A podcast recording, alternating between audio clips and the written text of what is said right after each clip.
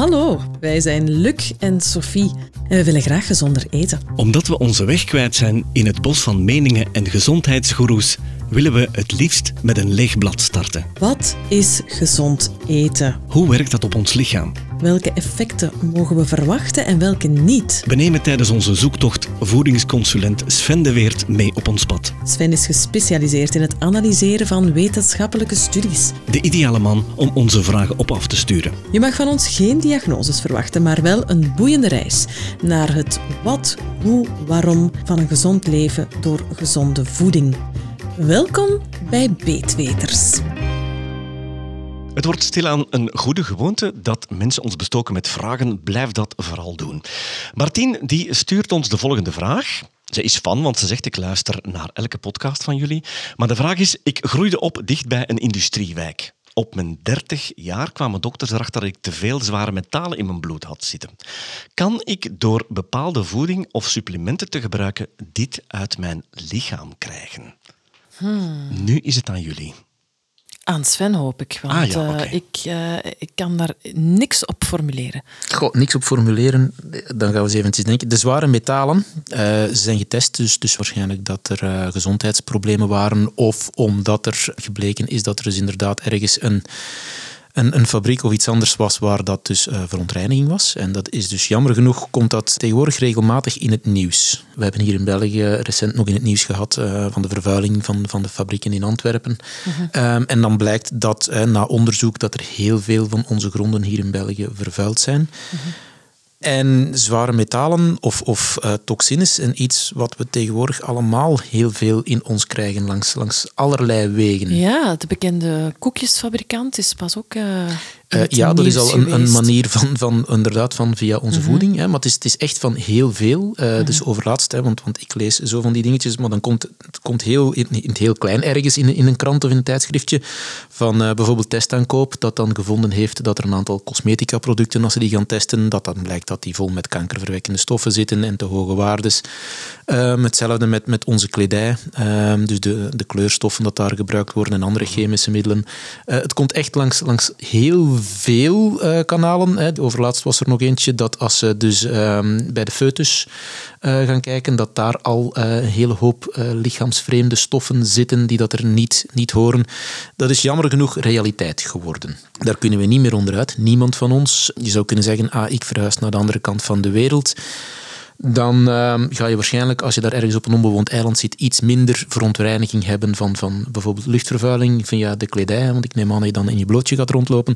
Maar dan gaat het nog altijd wel, als je daar vis gaat eten, gaat het bijvoorbeeld via de vis, hè, want, want onze zeeën zijn vervuild, dus het is, het is eigenlijk een beetje slecht nieuws show op dat gebied. Raakt het lichaam daar voor een stuk aan gewend? Eh, nee.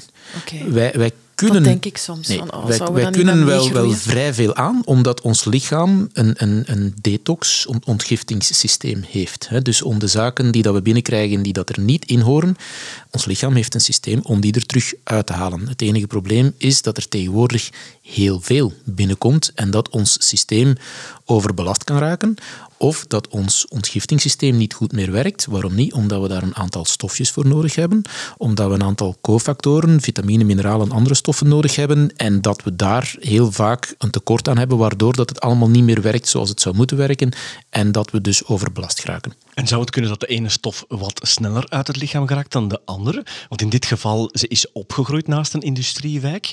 En 10, 15 jaar later komen ze erachter dat die zware metalen er nog steeds in zitten. Eh, ja, er zijn, er zijn bepaalde stoffen die, die, die langer blijven en moeilijker wegraken. hè. We hebben bijvoorbeeld, eh, om nu maar één stofje te noemen, we hebben eh, fluor. Hè, En fluor, voor de mensen die, die het misschien nog niet wisten, is, zit, iets, zit bij onze tandpasta. Nu, ik ben zelf nog opgegroeid. eh, toen ik kind was, kreeg ik fluortabletten van mijn ouders. En dat was dan, eh, werd aanbevolen om sterke tanden, voor de kinderen voor sterke tanden. Dat waren van die zuigtabletten. Dus ik heb heel veel fluor binnengekregen. En het probleem met fluor is dat dat eh, zo goed als niet uit het lichaam geraakt.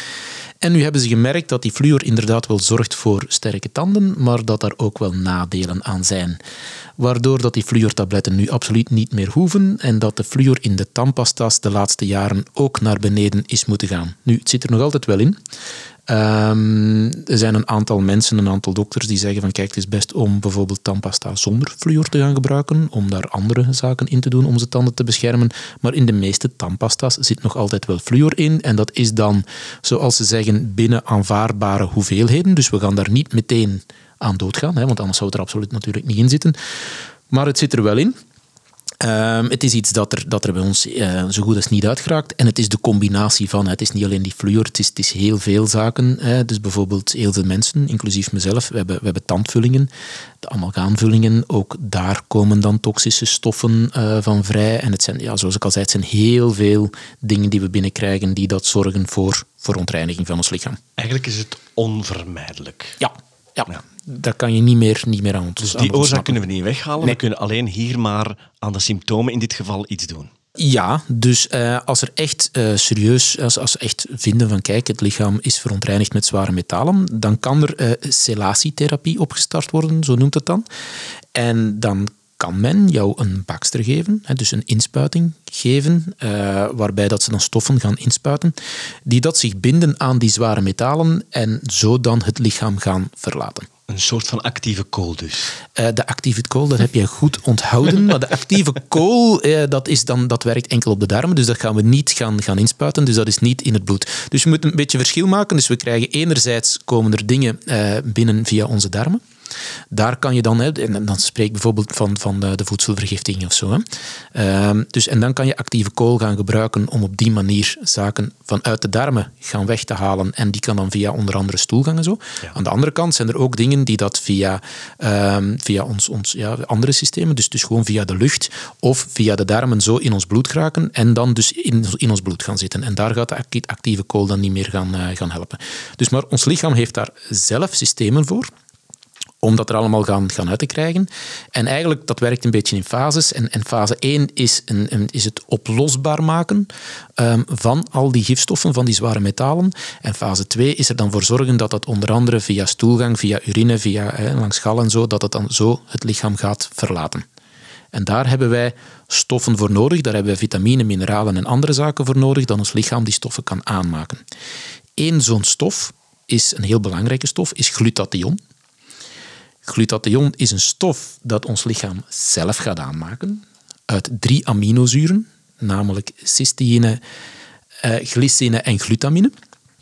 Nu, glutathion, je kan daar tekort van hebben. Hoe komt dat? Wel, enerzijds kan het zijn dat je lichaam gewoon zelf niet voldoende glutathion meer aanmaakt. Als je een, een, een, een defect hebt, en dat kan je testen via DNA-testen tegenwoordig, dan kan het zijn dat je gewoon veel minder glutathion aanmaakt, waardoor je heel slecht gaat ontgiften. En dan heb je tegenslag.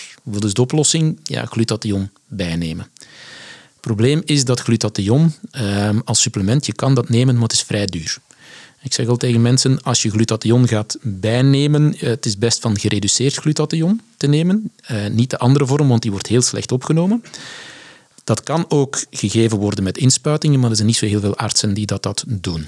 Dus één manier is dus dat je dus veel te weinig van die glutathion zelf aanmaakt. Een ander iets is, tegenwoordig vrij veel mensen nemen pijnstillers de gewone hier in, in België, de dafalgan. Ik denk dat in Nederland ook zo noemt. Hè. Dus, dus uh, de, paracetamol. de paracetamol. Ja, dus wordt gebruikt voor, ah, je hebt een pijntje, we gebruiken paracetamol. Wat is het effect van paracetamol? Zorgt ervoor dat glutathion volledig leeggetrokken wordt. Ai. Ja, dus mensen die dat uh, constant paracetamol nemen. En heel veel oudere mensen in rusthuizen worden gewoon constant. Maar ik ken ook andere mensen die gewoon heel veel paracetamol gebruiken. Wel, de bijwerking of het, het ja, het resultaat Perfect, is dat ja. jouw glutathion eigenlijk weggehaald wordt. Mm -hmm. En glutathion heb je niet alleen nodig voor te ontgiften, maar glutathion heb je ook nodig voor jouw immuunsysteem. Dus glutathion zorgt er ook voor dat jouw immuunsysteem naar behoren werkt. En een van de zaken dat ik dan de laatste jaren gehoord heb, is van wanneer dat mensen bepaalde inspuitingen of zo moeten krijgen, waarvan dat je dan ziek kan worden. Bijvoorbeeld gewoon het griepspuitje. Ah, je moet een griepspuit krijgen. Ah, het kan zijn dat je een dag daarna of dat je daarna wat hoofdpijn krijgt. Neem voor alle zekerheid al maar een paracetamol. Mm -hmm. Dan heb je daar minder last van. Wel, je wil juist dat jouw immuunsysteem gaat werken als je zo een vaccinatie gekregen hebt. En dan ga je dus paracetamol geven, waardoor jouw immuunsysteem juist minder werkt. Een van de zaken Hallo, die een beetje waarom raar zijn. weten dokters dat niet? Of, uh, Nu, er staat waarom beschreven, hè, dus, dus ik zou ook al zeggen, paracetamol, als je te veel paracetamol, is ook vrij gevaarlijk voor de lever. Hè, dus, dus je kan van paracetamol, als je daar te veel van neemt, wel, wel in het ziekenhuis belanden en serieuze problemen krijgen. Wat gaat men dan doen? Dan gaat men ervoor zorgen dat glutathion verhoogd wordt in het ziekenhuis. En een manier om dat te doen, eh, een ander middeltje dat je kan gebruiken om glutathion te verhogen, en dat is een middel dat de meeste mensen hier aan de tafel ook kennen. Als je een, een, een droge hoest hebt, lukt, wat ga je dan halen bij de apotheek? Uh, Vicks-pastiekjes? Uh, nee, lisomycil wordt er hier gewoonlijk Ah, ik gebruikt. zou dat moeten kennen. Jij zou dat moeten kennen, Luc. Is dat dan met grootgebracht of wat? Ah. Nu, is iets dat gebruikt wordt voor als je een beetje... Ah, de, de hoest zit vast, wordt er lisomycil gebruikt. Wat is lisomycil? Lisomycil is eigenlijk gewoon... Dat is een aminozuur. En dat aminozuur is cysteïne en acetylcysteïne. En dat is dus het onderdeel van glutathion. En glutathion, zoals ik zei, is vrij duur om dat gaan te suppleren. En een goedkopere manier is om N-acetylcysteïne bij te nemen. Dus lisomycil eigenlijk. Mm -hmm. Maar ik vind het sowieso al een uh, hele dure onderneming, zoals het klinkt. Want je ja. moet al via een DNA-test te weten komen of dat je tekort hebt of niet. Ja. Dat is al niet goedkoop. Nee. En dan nog eens een keer die Nu, dure... je hoeft dat niet te doen. Kijk, als je, als je al gewoon een beetje... Dus, dus de glutathion, als jij voldoende eiwitten eet en die eiwitten worden verteerd, dan gaan jouw eiwitten, dat weten we uit aflevering 2, denk ik, van de eiwitten, of aflevering 3, mm -hmm. jouw eiwitten worden verteerd tot aminozuren. Ja? Dus glutathion is, wordt aangemaakt uit drie aminozuren. Dus normaal gezien krijg je die aminozuren voldoende binnen. Het is enkel wanneer dat er ergens een fout zit op het DNA dat je die glutathion niet voldoende gaat aanmaken. En dan krijg je wel last van chronische problemen. Of uh, iets anders, als jij dus chronisch paracetamol gaat gebruiken, dan kan het zijn dat je een tekort krijgt aan glutathion en dus veel slechter gaat ontgiften. -hmm. Is dit een standaardprocedure voor de zware metalen of zijn daar ook nog andere middeltjes? Nee, dus zoals ik zei, dus, dus, uh, de andere middeltjes, dus de, de, hele zware middelen zijn van oké, we gaan inspuiten, hè, dus met stoffen die dat zich gaan binden aan die zware metalen en die op die manier uit het lichaam gaan halen. We hebben ook nog de natuurlijke middelen en dat is onder andere, dus zoals ik zei, glutathion kan je, kan je als supplement nemen, maar ook andere zaken, uh, zoals bijvoorbeeld chlorella, spirulina. Dat zijn dingen die dat de meeste mensen al wel eens een keertje van gehoord hebben. zijn ook stoffen die zich aan zware Ja, metalen gaan, gaan binden. Dus dat. En eentje die dat ik eh, heel graag gebruik, of zelf gebruik, en dat is zeoliet. Nu, zeoliet, dat is gemalen vulkanisch gesteente. Oh. Ja, en dat is een beetje zoals de actieve kool, Luc. Dus dat zorgt ervoor dat de toxines die dat in jouw darmen zitten, dat die samen met de stoelgang eruit gehaald worden. Dus als je op die manier zeoliet gaat gebruiken, dus, dus je kan geen zeoliet gebruiken voor zware metalen uit jouw bloed te halen, maar je kan wel zeoliet gebruiken om de gifstoffen uit je darmen te halen. Als ze uit de darmen zijn, kunnen ze op die manier al niet in het bloed terechtkomen. Dus zeoliet is eentje um, waar dat vrij veel wetenschappelijk onderzoek naar gedaan is en dat kan gebruikt worden, is perfect veilig. Uh, nu, ik zeg nu perfect veilig, er is ook zeoliet, hè, als mensen dat gaan googlen, want soms zeg ik tegen mensen van ja kijk, hè, bijvoorbeeld als, ze, als, ze, als we voor de darmen gaan, gaan werken en zo van neem zeoliet bij om, om alle toxines eruit te krijgen, dan gaan mensen zeoliet googlen. Uh, er bestaat ook zeoliet die toxisch is, omdat niet alle vulkanisch gesteente is geschikt voor, voor menselijke consumptie. Ik gebruik de zeoliet, en, en nu ga ik voor één keertje dan reclame maken. Uh, ik bestel hem op een Nederlandse website. En die Nederlandse website heet kaardeshop.nl. Met een K? Met een K. Dus zoals paardenshop, maar dan met een K. Daar verkopen ze de zeoliet die dat medisch gekeurd is. Dus, en dan is eigenlijk, is, is eigenlijk als geneesmiddel geregistreerd, bij wijze van spreken. En dan ben je er zeker van uh, dat je bewezen kwaliteit hebt. Maar wanneer weet jij nu, ik moet hem gaan aanschaffen? Wat, welk signaal moet je eerst krijgen voordat je weet, ik moet mijn zeoliet gaan uh, innemen? Wel, moeten is altijd een groot woord. Uh, ik gebruik hem standaard of, wanneer we bij mensen bijvoorbeeld met, met een bacteriële overgroei van de darmen of zo, wanneer we dus in, in de darmen gaan, gaan werken, dan komen er ook vrij veel toxines vrij. Mm -hmm. Dus dan gebruik ik standaard zeoliet om die toxines vanuit de darm weg te krijgen. Want mm -hmm. anders dan kan je door een therapie voor de darmen te doen soms mensen zieker maken. Als we heel veel... Eh, want, eh, dat ga ik er nog eventjes bijzetten. Bijvoorbeeld als je met, met candida of zo in de darmen zit, dus de overgroei van gisten en schimmels en zo Die candida die houdt zware metalen vast in jouw darmen. Van het moment dat je die gaat afdoden, komen die zware metalen vrij. Als je dan zeoliet gebruikt, dan gaan die zware metalen via die, met die zeoliet ehm, via de stoelgang uit het lichaam gehaald worden. Als je dat niet doet, dan komen die zware metalen vrij en dan komen die dus in het lichaam terecht. En je gaat wel jouw candida gaan afdoden, maar je gaat de persoon soms nog, nog zieker maken gewoon door extra toxines vrij te zetten in het lichaam. Dus op die manier gebruik ik hem standaard. Zeoliet kan gebruikt worden gewoon voor een darm te helpen reinigen, ontslakken, zoals we dat noemen, om, om daar alle toxines, maar ook ammoniak en andere zaken die geproduceerd worden in de darm, om die daar uh, weg te krijgen. Te veel aan histamine bijvoorbeeld helpt dat ook bij. Dus het kan geen kwaad om zeoliet een keertje te proberen en kijken wat dat, dat geeft. Mm. Stel dat we dat niet doen, wat is het effect van blijven rond te lopen met die zware metalen?